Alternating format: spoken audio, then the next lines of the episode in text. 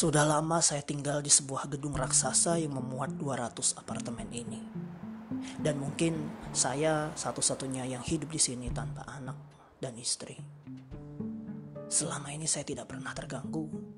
Meskipun tidak pernah mempunyai cita-cita mempunyai anak, saya tidak keberatan melihat anak-anak menghabiskan waktunya bermain di lapangan sebelah utara gedung.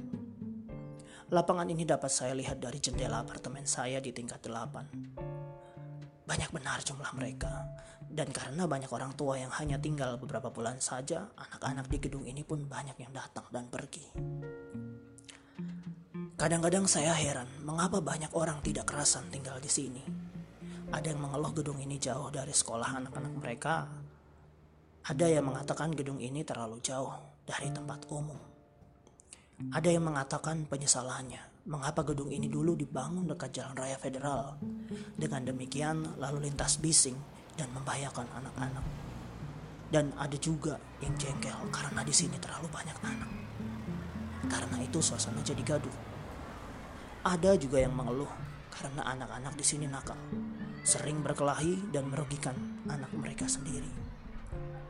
Bahwa gedung ini jauh dari tempat umum, toh semua yang tinggal di sini punya mobil bahwa mereka repot karena anak mereka. Kan semua ini akibat mereka mempunyai anak. Meskipun selama ini saya merasa tenang, akhirnya suatu hari saya mengalami sebuah bencana besar. Cat mobil saya beret. Melihat di klub beretnya, saya mempunyai dugaan keras bahwa seorang anak dengan sengaja melukai mobil saya dengan paku. Kurang ajar karena lapangan parkir terletak di sebelah selatan gedung, sedangkan apartemen saya menghadap ke utara, tidak mungkin saya mengamat-amati mobil saya dari jendela. Dan tentu saja tidak mungkin sehari penuh saya duduk di lapangan parkir. Tindakan pertama adalah mengajukan protes keras kepada manajer gedung. Setelah mengajukan permohonan maaf, dia menyatakan tidak sanggup mengawasi lapangan itu siang malam.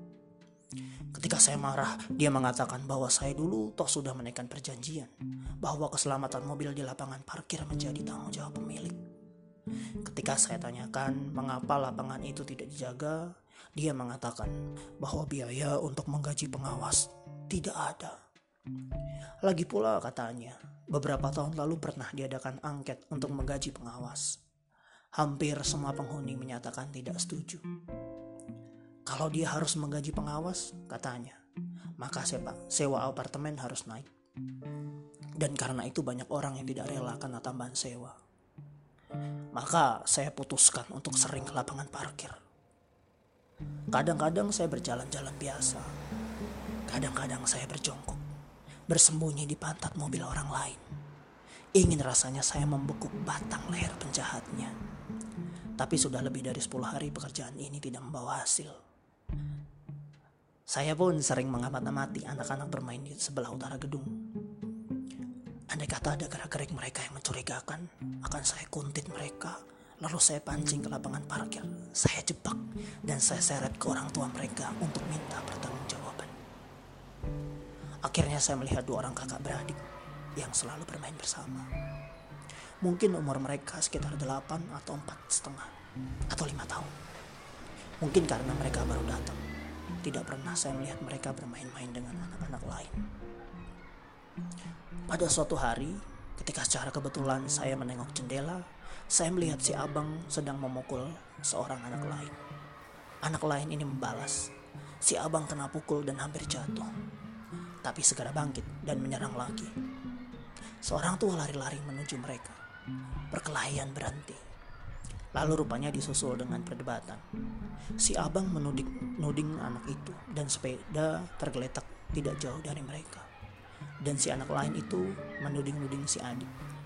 Tidak lama kemudian mereka berdamai.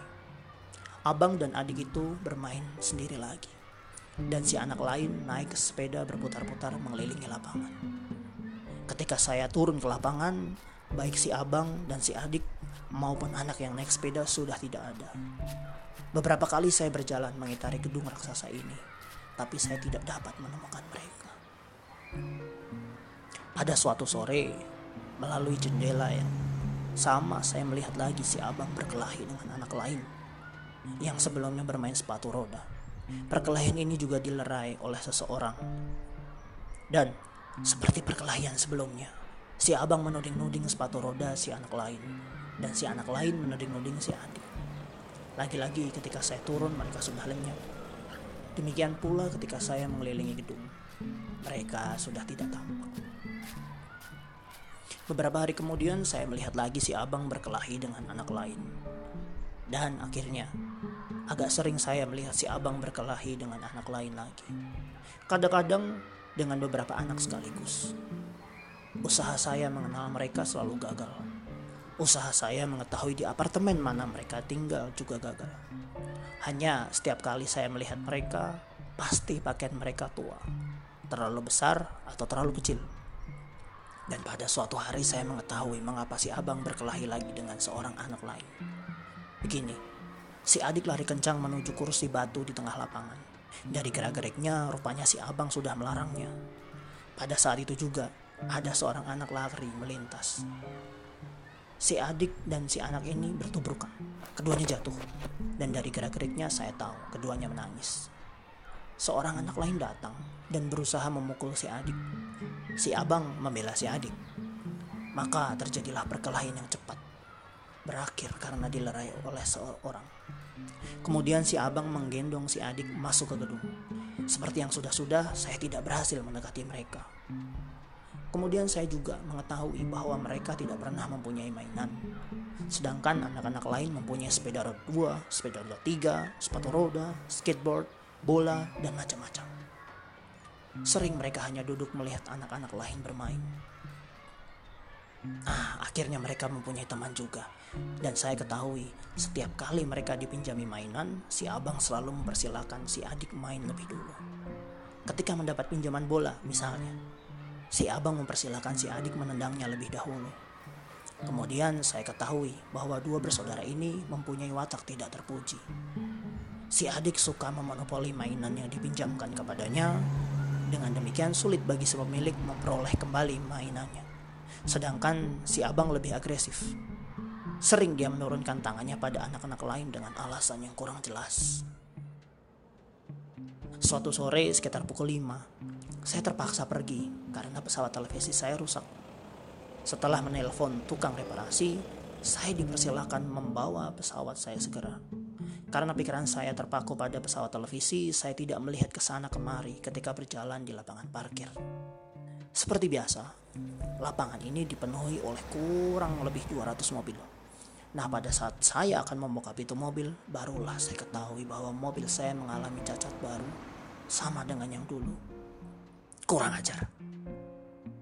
Pada waktu saya berpaling ke sana sini, saya mendengar seorang anak berteriak, "Jangan lari!" Jangan lari. Saya bergegas menuju sumber suara dan tahulah saya bahwa si adik sedang lari dibuntuti oleh si abang yang melarangnya lari. Dan ketika saya mendekati si adik, tahulah saya bahwa manusia kecil ini memegang sebuah paku tua. Ah, tentu dialah penjahatnya. Saya pegang dia dan menangislah dia meronta-ronta. Kamu anjing buduk mempunyai maksud jahat untuk merusak mobil saya ya? Hei, jawab, jawab. Seru saya sambil menggoncang-goncang tubuh bajingan kecil itu. Ketika si abang berusaha melerai, saya tarik rambutnya. Dia menjerit, matanya berkaca-kaca. Kamu berdua bajingan ya? Kamu berdua mau menghancurkan mobil saya ya? Jawab, anjing bodoh. Si abang terus menggeleng-geleng. Kamu berusaha mungkir ya?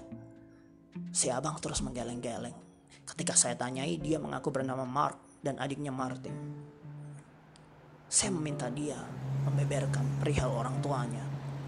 Dia menjawab, ayahnya bernama Melvin Mick, tinggal di apartemen 315. Ibunya bernama Marian, dan kedua orang tuanya bekerja.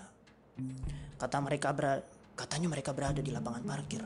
Mula-mula hanya untuk bermain. Kemudian mereka menengok ke mobil saya untuk melihat pukul berapa. Katanya mereka sudah harus tiba di apartemennya paling lambat jam 6 karena orang tuanya biasa datang sekitar jam setengah enam. Kalau mereka datang terlambat, katanya lagi, mereka akan kena hukum, dikurangi jatah makan. Makin lama mereka terlambat, makin kecil jatah makan mereka. Bahkan kalau perlu mereka tidak diberi makan sama sekali.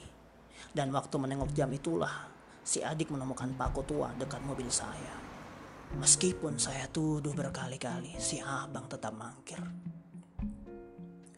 Ketika malam itu, saya menabrak Melvin Mick di apartemennya. Dia tampak tidak gentar menghadapi kemarahan saya. Katanya anaknya sudah melaporkan peristiwa di lapangan parkir. Dan katanya Mark lupa mengatakan kepada saya bahwa dia melihat jam di mobil saya dan bukan di mobil lain karena mobil saya lah yang terbagus. Andai kata benar anaknya telah berbuat durjana, sambungnya, dia mengajukan permohonan maaf. Tapi menurut akal sehatnya, tidak mungkin anaknya berbuat sembarangan. Mereka kami didik untuk menghormati orang lain, berbuat baik, bersifat menolong, dan jangan merusak. Katanya lagi. Kata-kata ini bertubi-tubi diiakan oleh Marion. Kemudian saya menyatakan bahwa saya sering melihat mereka berkelahi, bahwa si adik selalu cenderung memonopoli mainan pinjaman, dan bahwa si abang cenderung bertindak agresif. Pasti ada sebabnya, kata Melvin dengan nada tabah. Mereka berkelahi tentu bukan tanpa sebab. Mereka berkelahi karena diperlakukan tidak benar oleh orang lain. Kalau toh Martin ingin memonopoli mainan pinjaman, satu-satunya sebab adalah bahwa kami ini orang melarat. Kami tidak bisa membelikan Martin mainan. Ini tanggung jawab Mark. Sebagai anak yang lebih tua, dia sudah saya berikan kewajiban mengembalikan segala mainan kepada pemiliknya. Dan sudah saya beri wewenang penuh kepadanya mengambil tindakan terhadap Martin. Bahwa Mark bertindak agresif tentu saja bukan tanpa sebab. Dia tidak suka dihina. Saya pun sering merestuinya untuk menyerang siapa pun yang menghinanya tanpa alasan sehat dan sewenang-wenang. Dan Marian bertubi-tubi membenarkan perkataan suaminya. Dan harus diingat, kata Melvin selanjutnya. Saya pun sudah mendidik mereka, terutama Mark, agar bertanggung jawab atas perbuatannya. Mengaku salah kalau memang salah, tapi harus berani berkelahi kalau mereka dituduh bersalah secara sewenang-wenang padahal mereka benar. Marian mengangguk-angguk lagi membenarkan suaminya. Malam itu juga saya menelpon RI atau Resident Assistant yang mengurus kalau ada apa-apa setelah kantor manajer tutup pukul 5 sore. Saya memberitahukan tuduhan saya atas kekurang ajaran perbuatan anak Melvin Mick. RE menyatakan bahwa dia tidak dapat berbuat apa-apa. Dan kalau toh saya tetap berang, saya dipersilahkan melaporkan kepada polisi Paginya saya mendatangi manajer. Jawabannya sama dengan jawaban RI. Semenjak saat itu, setiap saya melihat Mark dan Martin bermain-main, ingin rasanya saya memiliki senapan, menembak kaki dan tangan mereka, membuat mereka cacat selama-lamanya. Kemudian saya ketahui bahwa setiap Sabtu dan Minggu sore pasti mereka bermain-main dengan orang tua mereka. Mereka lari-lari, main bandulan, merry-go-round, monkey bars, dan keluar masuk lubang setumpukan tong bersama-sama. Saya sering melihat Marion menciumi anak-anaknya, dan Melvin menciumi Marion. Ingin rasanya saya menembaki kaki dan tangan mereka, dan membuat mereka cacat seumur hidup. Ingin juga rasanya saya turun membawa parang dan membuat putus mereka. Semua kaki tangan mereka. Ingin, ingin sekali. Pada suatu hari secara kebetulan saya melihat mereka berjalan di lapangan parkir. Melvin berjalan paling depan menggandeng tangan Marian. Marian menggandeng tangan Mark yang berjalan di belakangnya. Dan Mark menggandeng tangan Martin yang berjalan paling belakang. Kemudian mereka masuk ke sebuah mobil tua.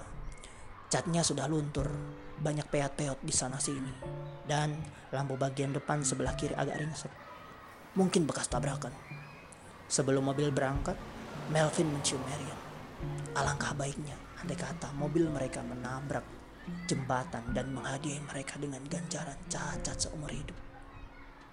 Tapi mobil bobrok itu berlari dengan gagah, membelok dengan cekatan, dan melaju di atas jembatan dengan tenang. Ketika elevator macet, pada suatu sore menjelang pukul 5 saya turun melalui tangga darurat. Dan ketika saya mencapai tingkat 3, saya mencium bau tidak enak. Setelah saya mencapai tingkat dua, tahulah saya apa sebabnya. Si adik sedang membongkok. Wajahnya tampak kesakitan dan celana yang bobrok melembung bagian belakangnya. Dan si abang berusaha menenangkan si adik. Anjing buduk, kamu berak ya? Teriak saya. Ingin rasanya saya membawa parang, memotong kaki dan tangan mereka satu persatu dan membuat mereka cacat seumur hidup. si abang mengaku terus terang bahwa si adik sakit perut dan terpaksa berak di situ sebelum sempat mencapai kakus umum di lobi tingkat satu. Mengapa kamu tidak berak di rumah anjing buduk? Tanya saya berang. Si abang menjelaskan bahwa tadi mereka sudah masuk apartemen. Tapi orang tua mereka belum juga datang Padahal kunci yang biasanya diserahkan kepada si abang terbawa sama mereka. Setelah memaki-maki dan meludah beberapa kali saya turun. Langsung mendatangi manajer. Waktu itu dia sudah siap menutup kantornya. Dia mengangguk-angguk, lalu memanggil salah seorang pembersih gedung bernama Jerry. Yang rupanya sudah siap-siap untuk pulang. Jerry menjawab dengan tenang bahwa dia bersedia membersihkan berak anak Melvin. Malam itu saya menelpon Melvin mengutuk perbuatan anaknya dan mencaci-caci perbuatannya sendiri menggelapkan kunci yang menyebabkan an anaknya tidak bisa masuk apartemen. Setelah berkali-kali mengakui kesalahan, dia mengatakan bahwa dia juga sudah menelpon manajer dan RE untuk minta maaf dan mereka sudah memaafkannya. Selanjutnya dia juga menyatakan bahwa dia sudah menelpon Jerry untuk minta maaf dan mengucapkan terima kasih. Dan Jerry juga sudah memberinya maaf. Esok paginya saya melabrak Jerry, mengutuk kesediaannya membersihkan berak anak Melvin. Biarlah si Max sendiri yang membersihkannya, kata saya berang. Dengan tenang, Jerry menjawab kemarin sore toh dia belum pulang. Apa salahnya dia dibebani sedikit pekerjaan tambahan. Lagi pula, katanya, Meg adalah sahabatnya sendiri. Selanjutnya dia menuturkan bahwa dia mengagumi Meg yang ketika kecil dulu menjadi tetangga di bilangan kota tua. Dia sendiri semenjak kecil menetap di kota ini dan hanya menjadi tukang membersihkan gedung. Sedangkan Meg sudah pernah ke negara-negara bagian lain. Dan karena punya pekerjaan yang jauh lebih baik. Ini terjadi karena Meg mempunyai otak yang lebih baik, kata Jerry. Jerry kemudian pergi. Dan sebelum menikung ke gang di hallway, dia berhenti, menoleh kepada saya, lalu berkata, Mark bilang bahwa kamulah yang meludah. Bok jangan berbuat demikian. Masa ada anak berak karena sakit perut saja kamu meludahi lantai, meludahi tembok, dan meludahi pegangan tangga darurat? Itu kan perbuatan yang sengaja merugikan orang lain. Jangan begitu ya, Bung. Tentu saja ketika saya bertemu dengan si abang dan si adik, saya labrak si abang. Saya sesalkan benar mengapa dia sampai hati mengadu ke Cherry. Atas labrakan ini si abang tidak tampak gentar. Katanya, dia memberitahu Jerry karena menanyainya dan karena orang tuanya tidak pernah memberinya wewenang untuk berkata bohong. Tanpa diberitahu pun, Jerry akan tahu bahwa yang meludah itu saya. Kata si abang lanjutnya. Kali ini ingin rasanya saya membawa gunting dan memotong lidah si abang dan membuatnya cacat seumur hidup. Setelah memberi hadiah caci maki, saya membiarkan mereka pergi dan entah mengapa saya menjadi haus. Kemudian jengkel karena dalam gedung sebesar ini yang jauh dari tempat umum tidak ada mesin penjual Coca-Cola. Kemudian saya berjalan menuju jembatan. Nah, di situlah saya melihat sebuah botol Coca-Cola pecah. Andai kata ya, andai kata saja si abang dan si adik terjatuh dan kepalanya termakan oleh pecahan botol, pikir saya. Pikiran mengenai botol ini menjadi subur ketika pada suatu hari saya membaca sebuah pengumuman bahwa RE akan pindah ke Lexington, Kentucky. Dan siapa yang berminat untuk menjadi RE hendaknya mengisi formulir yang tersedia di kantor. Dari semua pelamar akan dipilih tiga orang calon oleh pimpinan Badan Kerjasama Antar Kota. Dan siapa di antara tiga orang ini yang akan menjadi RE terserah pada hasil pemilihan penghuni gedung ini. Dua minggu kemudian tiga nama calon diumumkan. Saya menghubungi ketiga-tiganya dan mengatakan alangkah janggalnya dalam gedung sebesar ini tidak ada mesin penjual Coca-Cola. Kepada mereka masing-masing saya mengatakan akan memilih mereka kalau usul ini dipertimbangkan secara masak. Kemudian dengan mempergunakan nama dan alamat Melvin Mick dan tentu saja dengan tanda tangan palsu saya menulis surat ke cabang-cabang perusahaan Coca-Cola di Kokomo, Terre Haute, Evansville, minta supaya mereka cepat turun tangan dan memasang mesin penjual Coca-Cola. Karena di antara calon RE yang rupanya paling menaruh perhatian pada usul saya adalah Larry Colbeck, saya pun memilih dia. Dalam waktu tiga hari hasil pemilihan diumumkan dan yang menang ternyata David Demt. Saya pun segera menghubungi Dev, David dan mendesaknya agar memperhatikan usul saya dulu. Tanpa saya ketahui kapan memasangnya, lebih kurang seminggu kemudian saya menyaksikan ada mesin tersebut di tingkat 3, 6, 9, 12, dan 15. Kemudian saya membayangkan alangkah bahagianya saya nanti menyaksikan abang dan si adik terjatuh di atas pecahan botol. Tidak berapa lama kemudian, kapan saja dan di mana saja saya berjalan di sekian banyak hallway, di trap-trap tangga darurat, di elevator, di lobi, di pekarangan depan, di pekarangan belakang, di lapangan parkir, di lapangan bermain, dan di lapangan rumput sekitar gedung. Saya lihat semuanya ditaburi pecahan botol.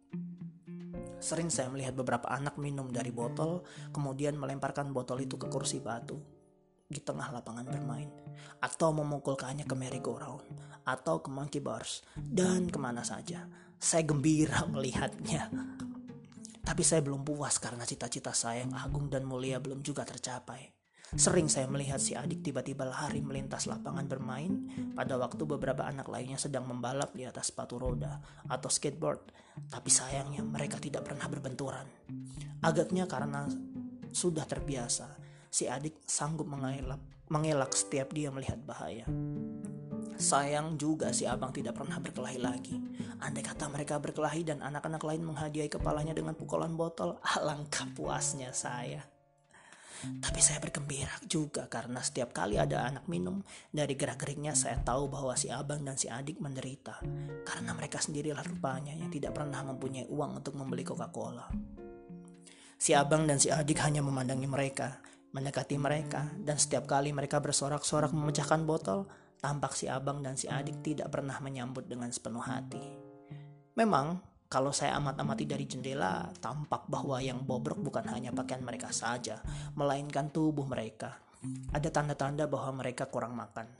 Karena itulah di setiap kali ada anak makan kue, mereka juga selalu mendekat. Bahwa mereka kurang makan akhirnya terbukti juga ketika suatu hari saya memergoki mereka sedang mengamat-amati mobil saya.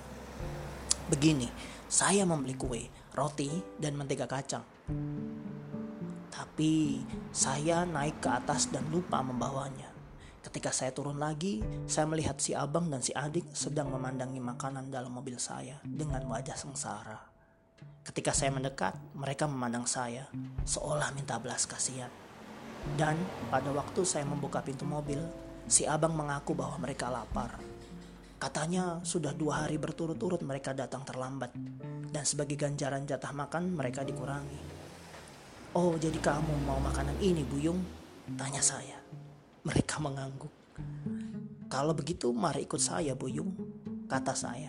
Mereka pun ikut. Saya berdiri di dekat tempat pembuangan sampah. Kamu mau semua makanan ini, Buyung? Tanya saya lagi. Mereka mengangguk-angguk lagi. Ketika saya bertanya mana yang mereka pilih lebih dulu, serempak mereka menuding kue. Maka bungkus kue pun saya buka perlahan-lahan. Tampak mata mereka berbinar gembira dan berkali-kali mereka menelan ludah. Nah, setelah semua kue saya keluarkan dari bungkusnya, semua kue itu tanpa kecuali saya ludahi. Selalu saya campakkan ke tempat sampah. Mereka mendelong. Ya, memang kue ini enak, hebat, dan harum buyung.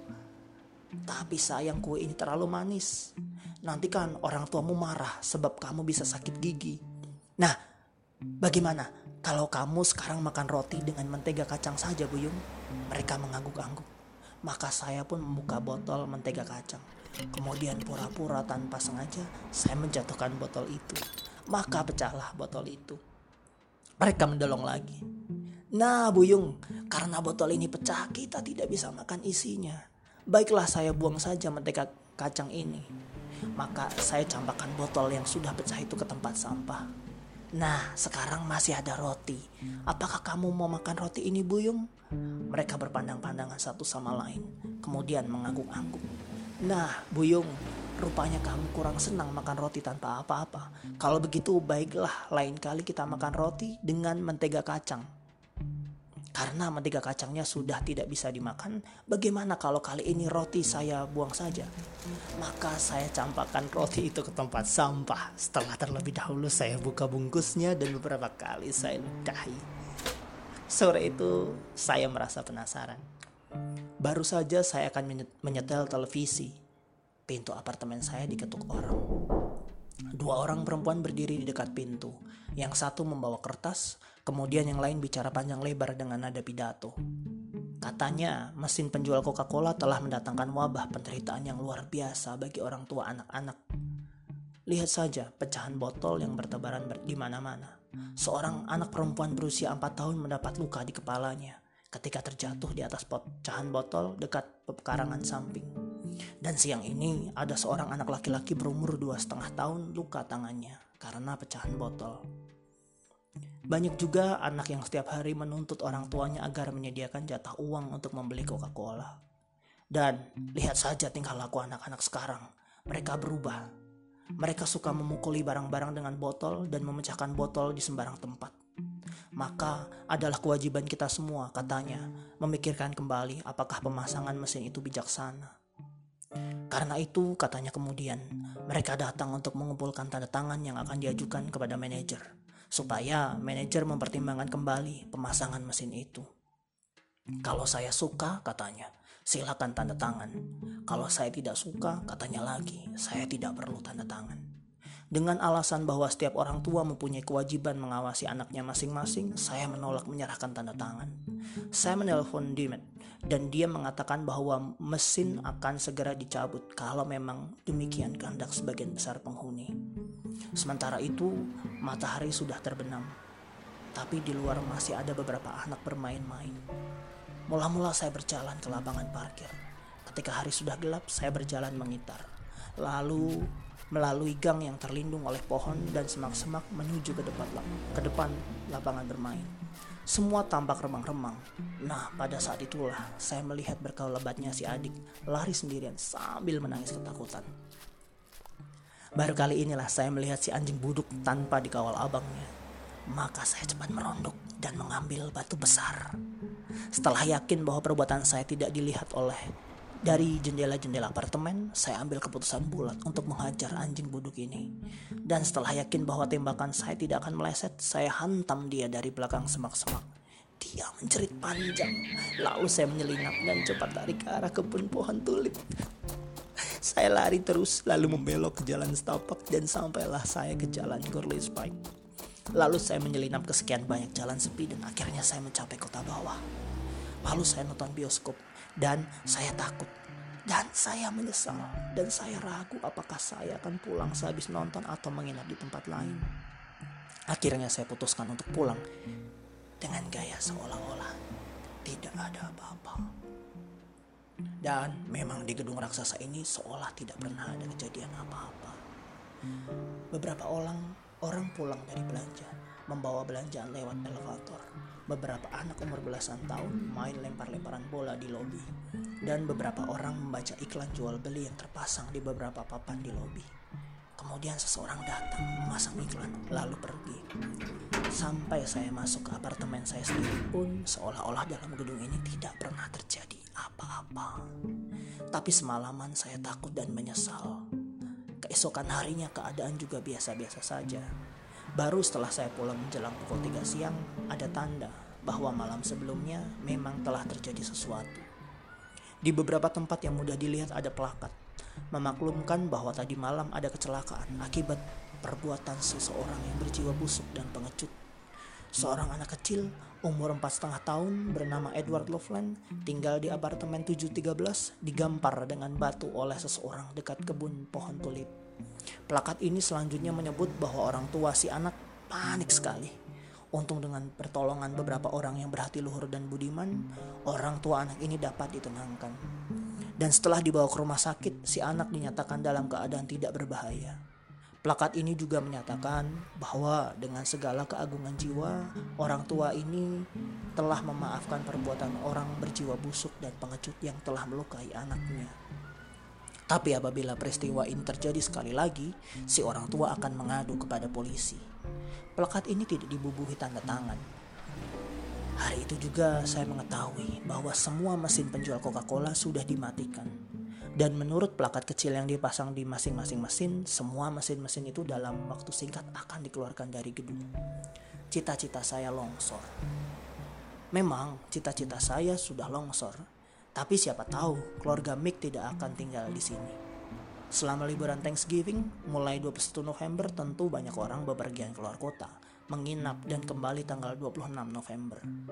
Menjelang Melvin sekeluarga pergi, saya harus memasukkan sedikit pasir ke tangki bensinnya dan menusuk bannya dengan jarum kecil yang akan menggemboskan bannya dalam waktu 24 jam. Tunggu saja, Mick. Tunggu. Memang saya menunggu saat yang baik. Menunggu, menunggu, terus menunggu. Saya sudah tahu betul di mana mobil itu biasanya diparkir, dan saya tahu betul tangkinya mudah dibuka dengan mata telanjang. Tapi dasar sial, menjelang liburan Thanksgiving, lapangan selalu ramai siang malam. Banyak orang memeriksa mobilnya, membetulkan bannya, membetulkan remnya, membetulkan lampunya, dan lain-lain. Mereka meramalkan salju pertama akan turun selama liburan, dan lalu lintas di luar kota akan ramai sekali.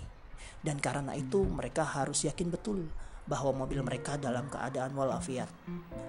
Mulai tanggal 20 malam sudah banyak orang mengangkut barang-barang ke mobil mereka. Malam itu juga sudah ada beberapa yang meninggalkan kota. Dan ketika saya berjalan ke lapangan parkir keesokan harinya, saya menyesal karena ternyata mobil Melvin sudah tidak ada.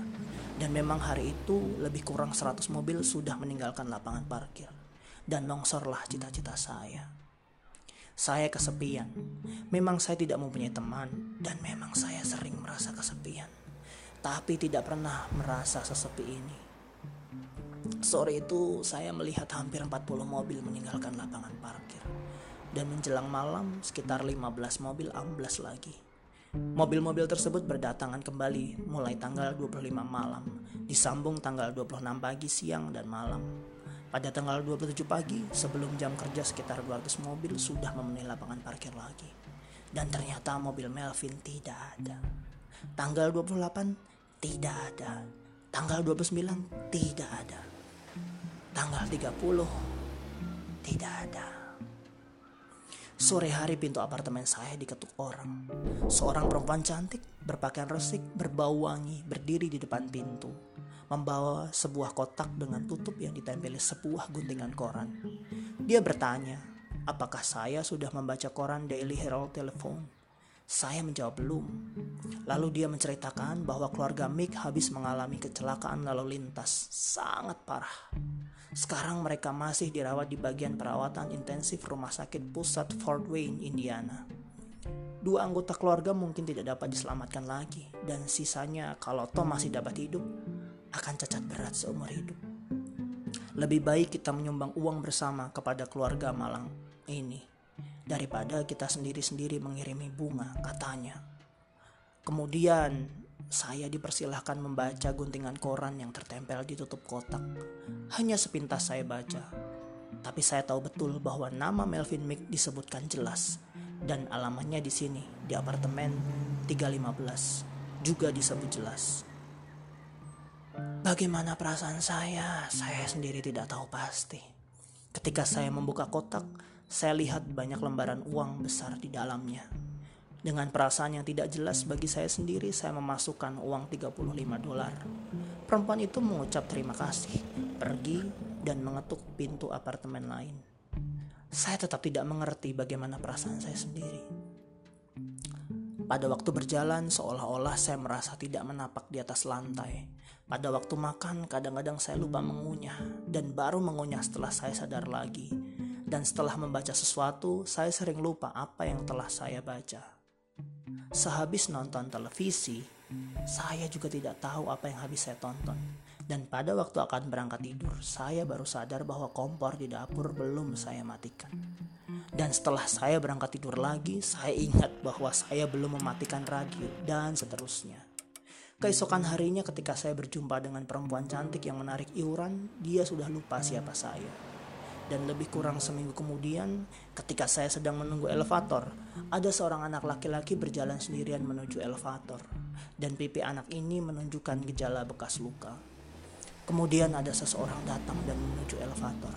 Ketika orang ini menanyai anak itu, tahulah saya bahwa luka di pipinya adalah hasil perbuatan saya dulu.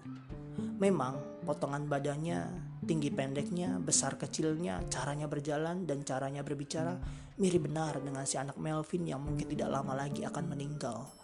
Dan setelah elevator terbuka, anak ini minta tolong saya untuk memencet tombol 7. Apakah kau tinggal di tingkat 7 Buyung? Tanya saya. Ya, 713, jawabnya. Andai kata saya kebetulan membawa gula-gula, tentu saya beri dia. Waktu berjalan terus, dan musim semi perlahan-lahan menggusur musim salju. Dua perempuan yang mengumpulkan tanda tangan mengenai mesin penjual Coca-Cola tidak pernah tampak lagi. Mungkin mereka sudah pindah. Edward Loveland masih sering bermain-main sendirian. Dan perempuan cantik yang mengumpulkan iuran untuk keluarga Mick kadang-kadang masih kelihatan dan seperti dulu. Dia tidak pernah ingat siapa saya. Waktu pun berjalan terus. Sampai akhirnya pada suatu sore tiba-tiba lonceng kebakaran berdering keras. Saya cepat memasang sepatu, mengambil jaket, lalu lari ke bawah melalui tangga darurat. Sementara itu, orang-orang lain juga bergegas menuruni tangga darurat. Di tingkat lima, saya mendengar ada seseorang berkata bahwa dapur salah satu apartemen tingkat enam terbakar. Dan saya melihat dua polisi membawa alat pemadam bergegas naik lewat tangga darurat. Sementara itu, lonceng kebakaran berdering terus. Di tingkat dua, saya melihat Mark menggendong adiknya. Sangat capek tampaknya. Berkali-kali Mark akan jatuh, tapi dia berusaha berjalan tegap lagi. Dan Martin mendekap tubuh abangnya dengan tangan dan kaki kirinya, sedangkan tangan kanan dan kaki kanannya masih terbebat gips. Kaku tampaknya. Seseorang menawarkan diri menggendong Martin, tapi baik Mark maupun Martin menolak. Lalu saya menawarkan diri menggendong Martin. Mark menjawab, Martin adalah adik saya. Biarlah saya gendong terus dia selama saya masih kuat. Dan Martin berkata, Mark adalah abang saya biarkanlah saya menyandarkan diri kepadanya selama saya belum bisa berjalan. Entah mengapa, mata saya berkaca-kaca. Di lobi tingkat satu, sekian banyak orang ini menyebar. Ada yang ke pekarangan depan, pekarangan samping kiri, samping kanan, dan lapangan bermain. Saya membentuk tim Mark ke lapangan bermain. Ternyata orang tua mereka sudah menunggu di sana. Marion duduk di kursi dorong dan Melvin menungguinya. Segera setelah melihat Mark keluar gedung menggendong Martin, Melvin terpincang-pincang lari dan ganti menggendong Martin. Sedangkan Mark lari menghampiri ibunya. Sementara itu, lonceng kebakaran berdering terus. Beberapa orang yang datang dari bagian depan mengatakan bahwa dari sana kelihatan asap hitam mengepul dari salah satu jendela apartemen tingkat 6. Melvin tetap menggendong Martin dan kadang-kadang ayah dan anak ini berciuman. Marian dan Mark pun kadang-kadang berciuman dan mata saya berkaca-kaca lagi. Ketika bahaya kebakaran sudah dinyatakan selesai, orang-orang bergegas masuk. Keluarga Mick menunggu sampai laju orang tidak begitu padat. Saya menunggu mereka. Akhirnya Mark ditanya, apakah dia ingin menggendong Martin lagi ataukah mendorong Marian. Dia memilih menggendong Martin. Setelah mereka mendekati trap masuk, saya menawarkan diri untuk mengangkat kursi dorong Marian. Tapi baik Melvin maupun Marian menolak. Akhirnya dengan agak susah payah, Melvin yang pincang ini berhasil mengangkat kursi dorong melalui trap, kemudian mendorongnya masuk ke gedung. Tawaran saya menggendong Martin ditolak lagi. Keesokan harinya saya menghadap manajer, menanyakan apakah tidak sebaiknya dibuat jalan khusus untuk orang yang naik kursi dorong menuju lapangan bermain, pekarangan kanan dan pekarangan kiri. Saya tahu bahwa jalan semacam ini ke pekarangan depan sudah ada semenjak dulu. Manajer senang mendengar pertanyaan saya. Kemudian setelah membuka-buka mapnya, dia menunjukkan sebuah kop surat yang ditulis tiga atau empat hari sebelumnya. Kami sudah mengusulkan soal ini ke pimpinan Badan Kerjasama Antar Apartemen Kota, katanya. Bukan hanya jalan saja, melainkan juga kakus umum untuk orang-orang cacat di lobi. Dalam waktu tidak lama, pasti usul ini sudah akan dilaksanakan, sambungnya. Memang benar, 10 hari kemudian jalan-jalan itu sudah selesai, siap dipergunakan oleh Marian, dan tiga minggu kemudian kakus umum untuk orang cacat juga sudah tersedia. Sementara itu hari makin lama makin panjang. Matahari makin terlambat terbenam dan anak-anak makin larut menghabiskan waktunya di lapangan bermain. Kadang-kadang pukul 8 malam hari masih terang juga dan sesudah pukul setengah tujuh sore keluarga Mick selalu keluar bersama-sama bermain bersama-sama. Gips di kaki tangan Martin sudah dicopot. Meskipun pincang, Martin dapat berjalan sendiri, kadang-kadang lari-lari kecil. Marian tetap duduk di kursi dorong, sedangkan Melvin tetap pincang. Menurut berita yang sempat saya sadap, mereka ber, mereka akan cacat seumur hidup. Akhirnya saya ketahui, mereka sudah pindah ke tingkat satu. Kalau ada apa-apa, demikianlah menurut berita yang sempat sampai kepada saya, mereka dapat lari dengan cepat tanpa tergantung pada elevator. Dan memang menurut peraturan yang saya baca, pada waktu ada bahaya kebakaran, siapa pun tidak diperkenankan mempergunakan elevator. Sementara itu, perempuan cantik yang mengumpulkan iuran untuk keluarga Mick sudah tidak pernah tampak lagi. Mungkin dia sudah pindah. Karena mendapat pekerjaan baru, Dim juga sudah pindah. Pemilihan RE baru seperti dulu akan berlangsung segera.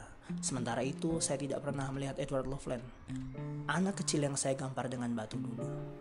Bekas apartemennya memang sudah ditempati keluarga lain. Akhirnya RE baru terpilih, dan saya tidak tahu namanya. Keluarga Mick masih tetap rajin mengunjungi lapangan bermain. Sering saya melihat mereka dari jendela. Dan seperti biasa, mereka selalu rukun. Pada suatu malam, televisi memancarkan berita mengenai pembukaan pusat perbelanjaan baru di Indianapolis, Indiana. Di situ saya melihat beberapa orang cacat mondar-mandir sendiri dengan kursi dorong bermotor. Paginya saya adakan waktu untuk melawat sejauh 70 mil ke daerah kota bawah Indianapolis. Di sana saya mendapat penjelasan bahwa harga kursi semacam itu adalah 3000 dolar. Alangkah baiknya kalau orang-orang beriuran lagi. Membeli kursi semacam itu untuk Marian pikir saya. Malam itu juga saya menelpon RE dia menjelaskan bahwa memang sudah ada beberapa orang yang mempunyai keinginan sama, dan ketika keinginan itu sudah terdengar oleh keluarga Mick, mereka menolak keras. Bantuan yang mereka terima pada waktu dirawat di Fort Wayne dulu sudah cukup bagus, kata mereka. Akhirnya saya tidak pernah melihat keluarga Mick lagi. Namanya sudah dicabut dari daftar penghuni yang tercantum di lobi. Lebih kurang dua minggu kemudian saya melihat nama baru di daftar itu. Dan ketika saya melewati bekas apartemennya, apartemen itu sudah ditempati oleh keluarga lain. Dari pembicaraan Jerry dan temannya yang sempat saya sadap, saya tahu bahwa Melvin mendapat pekerjaan yang jauh lebih baik di salah satu kota kecil di Carolina Barat. Dan dari pembicaraan yang sempat saya sadap ini, saya juga mengetahui bahwa Jerry sedang mengajukan permohonan untuk dipindah ke apartemen yang lain yang lebih dekat dari rumahnya. Memang, akhirnya saya tidak pernah melihat Jerry lagi, dan keluarga lain pun datang dan pergi. RE pun terus berganti, dan akhirnya manajer gedung pun pindah setelah mendapat pekerjaan yang lebih baik. Dan saya tetap di sini, tetap sendiri. thank you